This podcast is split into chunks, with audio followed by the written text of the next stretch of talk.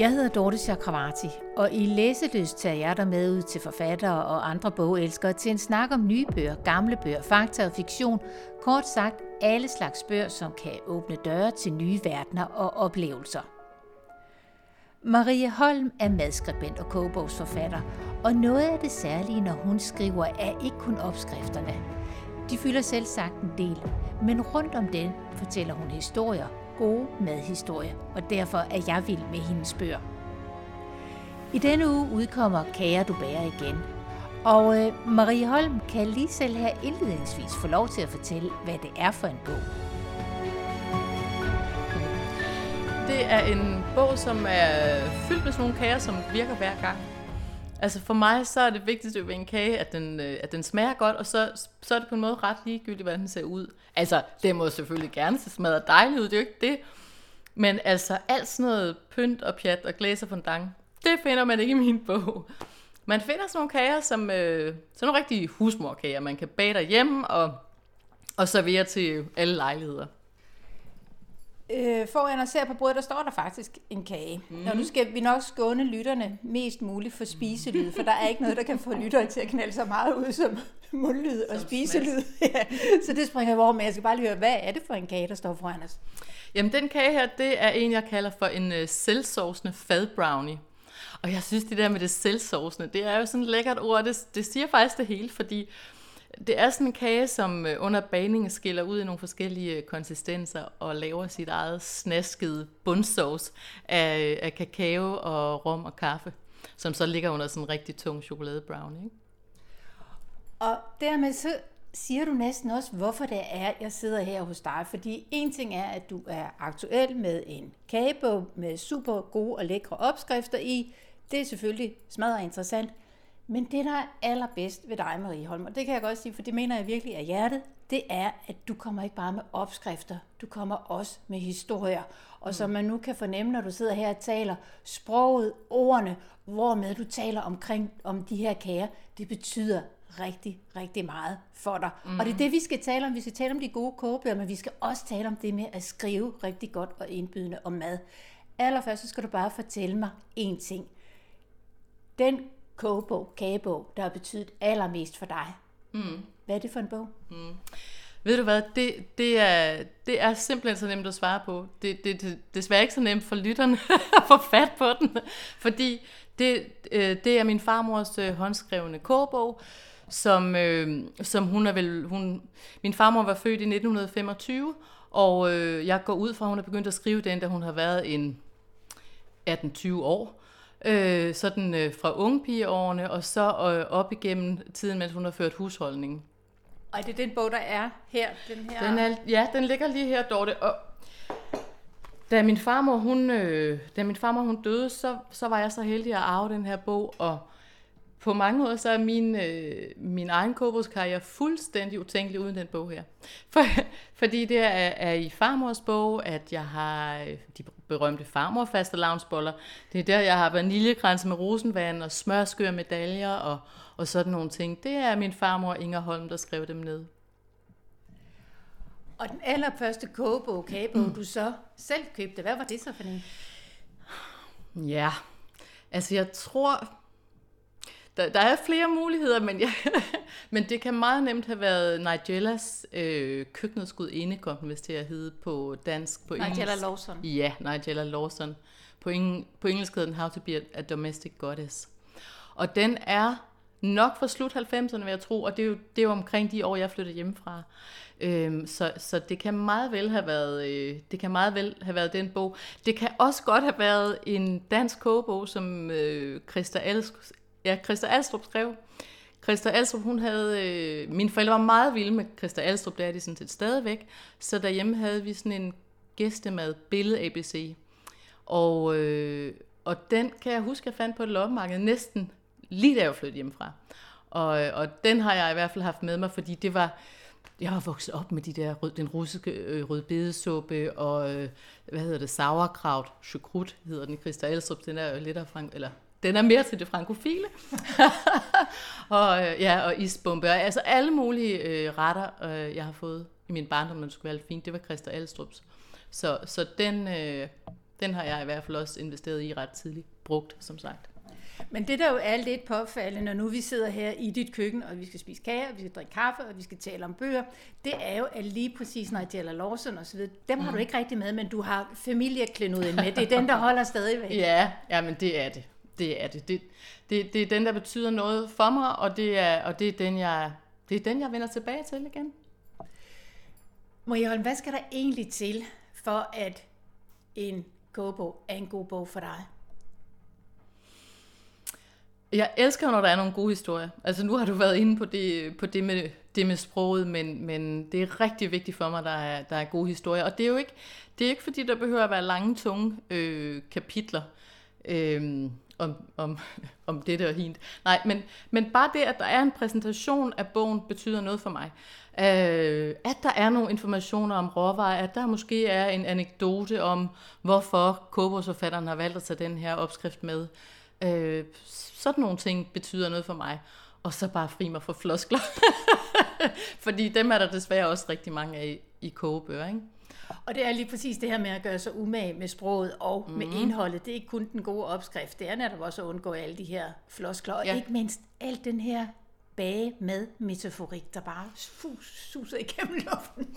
Og den står desværre i kø, når det kommer til rigtig meget øh, madlitteratur, ikke bare kogebøgerne. Og, og det er jo ikke, ja, den skal jeg da også nogle gange lige øh, selv passe på ikke at falde, falde i, fordi altså en af de mange vidunderlige ting, man kan sige om mad, og der er virkelig mange vidunderlige ting, man kan sige om mad, det er jo, at det er helt ekstremt øh, nemt at, at, at lave lækre ordbilleder. ikke? Og, øh, og, og bygge videre på dem i det uendelige. Så, så det skal jeg da nogle gange lige selv øh, holde mig lidt tilbage for. Ja. Blandt de mange bøger, der ligger her på bordet, så vil jeg rigtig gerne tale med dig om det her engelske begreb, som jeg egentlig ikke tror, vi har på dansk, i hvert fald ikke på den gode måde, nemlig food writing. Mm. Øh, og nu må du selv se frem her for bogstakken mm, på bordet. Hvem skal vi tale om?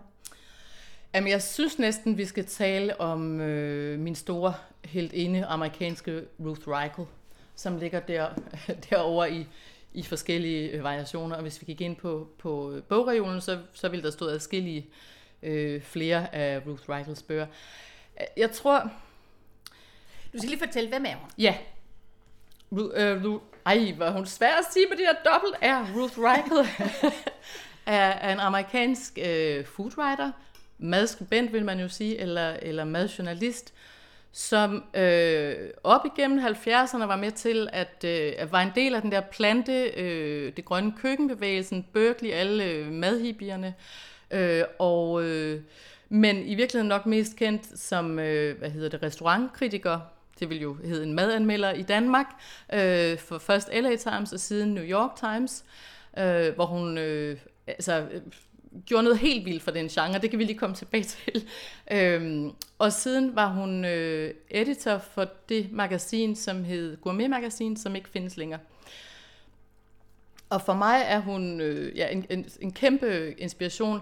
Altså dels er hun, jeg synes dels er hun spændende, fordi hun har været øh, skrivende, hun har haft en stor madkarriere, sideløbende med, at, øh, at madhistorien har udviklet sig da hun startede med at skrive, så kendte man ikke til begreber som stjernekok og, og, og de der øh, og madprogrammer og sådan noget, som jeg i høj grad er vokset op med. Altså det er simpelthen noget, der på en måde fødes med Ruth Reichel.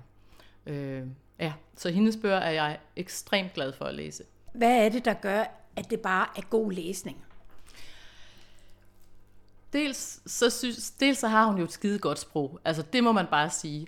Øh, hun kan også godt falde nogle metaforer ind, ind imellem, men jeg synes særligt et par af de bøger, øh, som jeg har liggende øh, ved siden af mig her, som er hendes gastronomiske memoirs. Det er jo selvbiografiske bøger, som handler om, om hendes øh, karriere.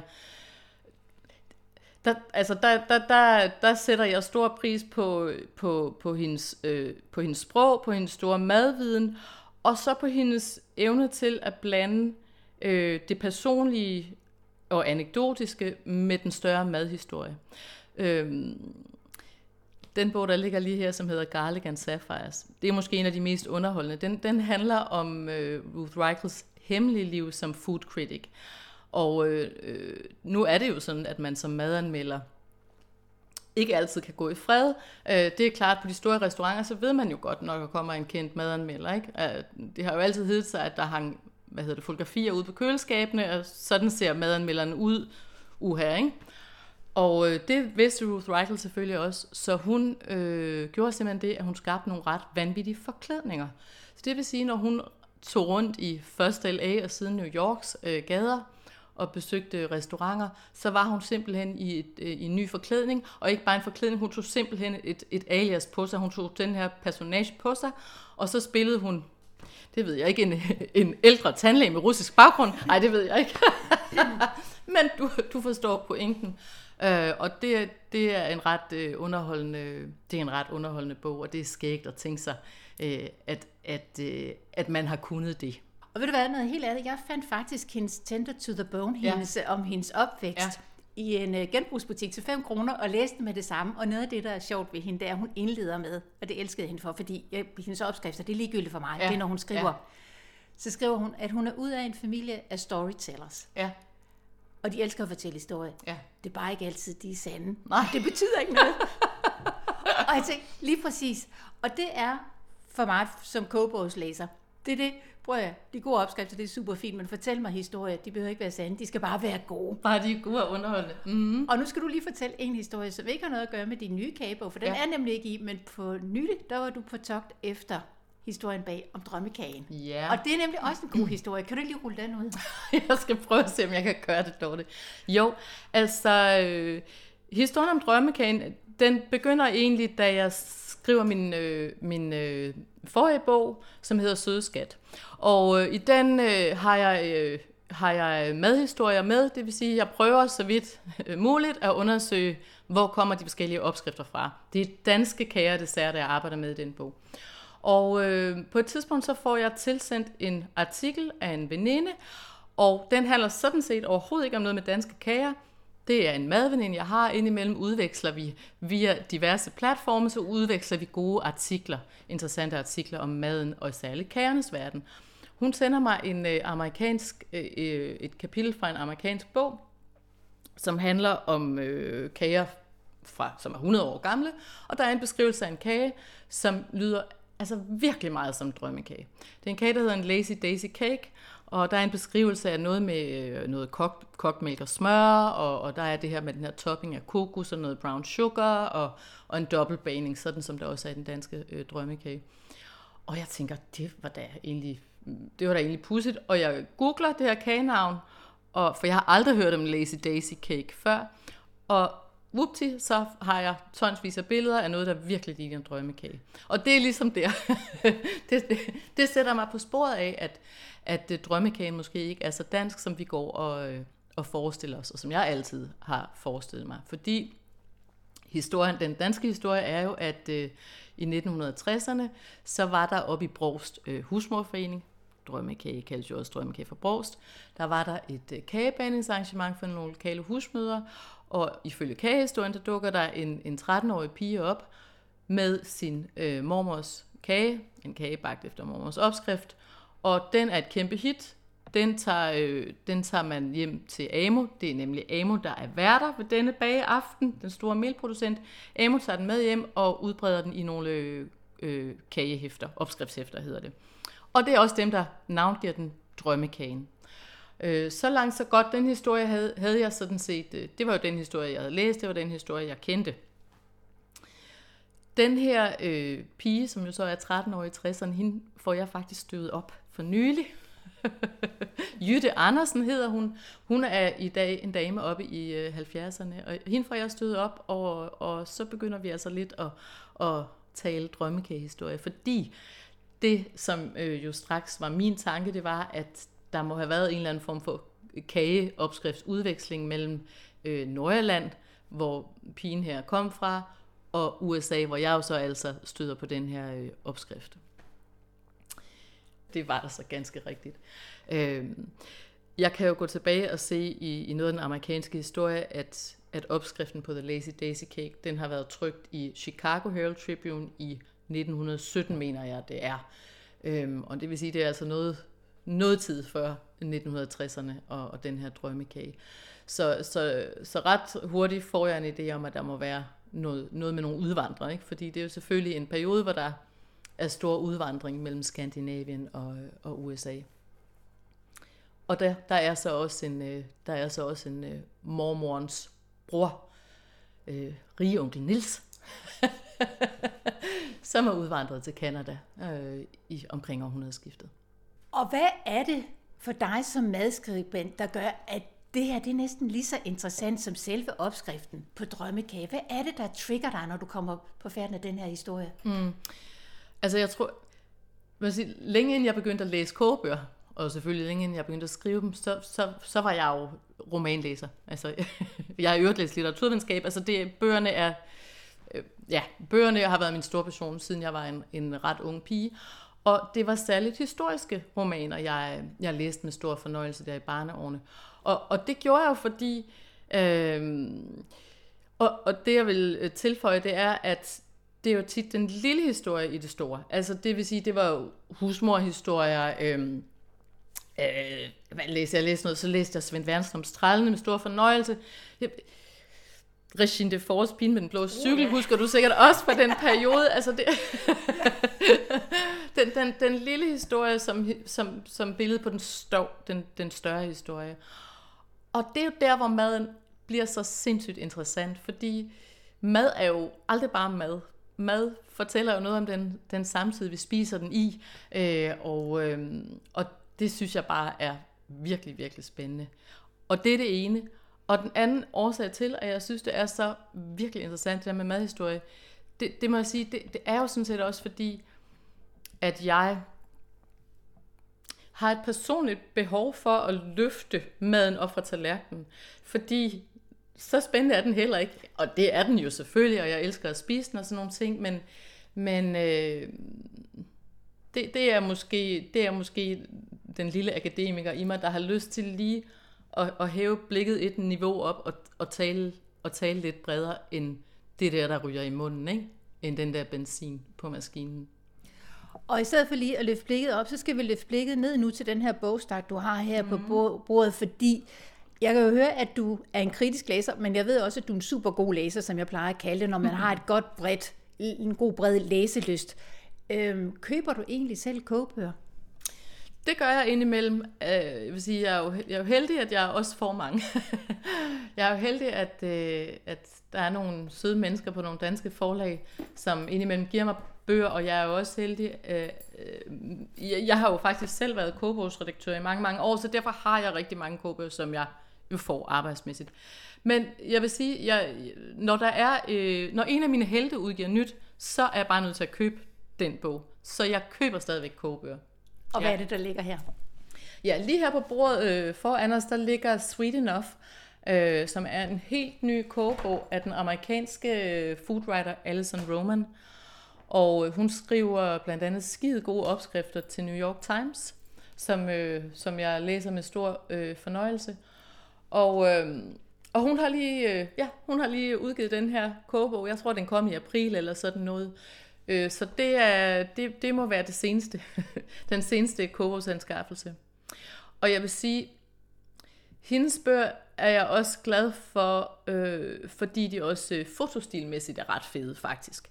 Øh, jeg synes, øh, det, det er enormt moderne, når jeg bladrer igennem dem. Der er noget med lys, der er noget med liv, og, og der er jo også noget virkelig sådan New York coolness, når jeg, når jeg bladrer igennem det der. Ikke? Der, er, der er masser af opknappede skjorter og nejlagt. Der er endda også en, øh, der er endda også en, øh, en bar herreoverkrop i en lille neonfarvet trus.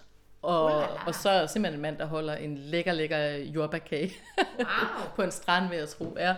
Så, så øhm, så, så, så på den måde ligner den ikke lige, den ligner ikke lige de bøger, som, øh, de kogebøger, som kommer på det danske marked. Jeg er overbevist om, at jeg skal ud og shoppe bøger lige om lidt, men du skal også lige fortælle mig med skønlitteraturen. Hvad mm. læser du lige nu? Jamen lige nu læser jeg en bog, jeg faktisk synes er ret kedelig. det bliver vi nødt til at tale om. Men jeg, øh, jeg er sådan en meget, hvad kan man sige, en meget lojal læser, som når jeg først går i gang med en bog, så bliver jeg stort set altid ved til en bedre inde. Altså det skal virkelig være enten helt ekstremt ringe, eller eller helt ekstremt øh, svært eller kryptisk, for jeg lægger den øh, fra mig. Ikke? Så lige nu så læser jeg, øh, hvad hedder han, Amor Towles. Er det sådan, det er? En ah, gentleman i øh, Moskva. Jeg har også været der, jeg gav også op. Er det, gav du op? Jamen, det kan godt være, at jeg bare skal. Og det er jo ikke fordi... Historien er jo, vi, det er Moskva i 1922. En, en, øh, en greve i sin bedste alder er, er idømt husarrest på et hotel, et fantastisk hotel, Hotel Metropol. Og, øh, og der skal han tilbringe resten af sine dage, fordi han har været på den forkerte side af revolutionen. Og så sker der sådan set ikke så meget andet, end han tilbringer resten af sin dag på det her hotel. Nå, i stedet, når, når, nu, når nu du er færdig eller ja. halvfærdig, hvad det ja. nu ender med, hvad så? Den ja. gode skønlitterære oplevelse. Ja, så har jeg et par bøger legnet op. Altså lige nu så går jeg og glæder mig meget, meget, meget til at modtage en, en bog med posten. Øhm, og jeg tror faktisk, Dorte, at du er årsagen til, at jeg overhovedet kom på sporet af den forfatter, fordi øh, den georgiske forfatter, som hedder Nino Harachvili. Det er så svært at sige. Ja, det er svært. Øh, jeg tror, det var dig, der anbefalede mig, eller jeg så på din Instagram, at øh, jeg skulle læse den, der hed Det 8. liv, ja. som er den her kæmpe slægtsfortælling øh, i det røde århundrede. Ja, og øh, den var jeg simpelthen så opslugt af. Jeg har også givet den videre i gave til flere forskellige gode venner. Som er glade for at få foræret 6, 7, 800 Jamen, det kan godt tage pusten fra nogle af dem. Altså, det vil jeg sige, ja. og det kan de jo, men det er jo bare en helt, helt vidunderlig ja, øh, bog. Og jeg har faktisk en, en forkaldet for de der ekstremt lange bøger. Jeg, jeg kan godt finde på ikke at købe en bog, hvis den er for kort, fordi hvis først jeg er inde i et univers, øh, så bliver jeg så ked af, når jeg skal efterlade de her romankarakterer igen. Så jeg elsker, når det er en god bog, at få lov til at være der i samme fulde 800-900 sider. Men så jeg har bestilt hendes nye bog, som hedder Det manglende lys.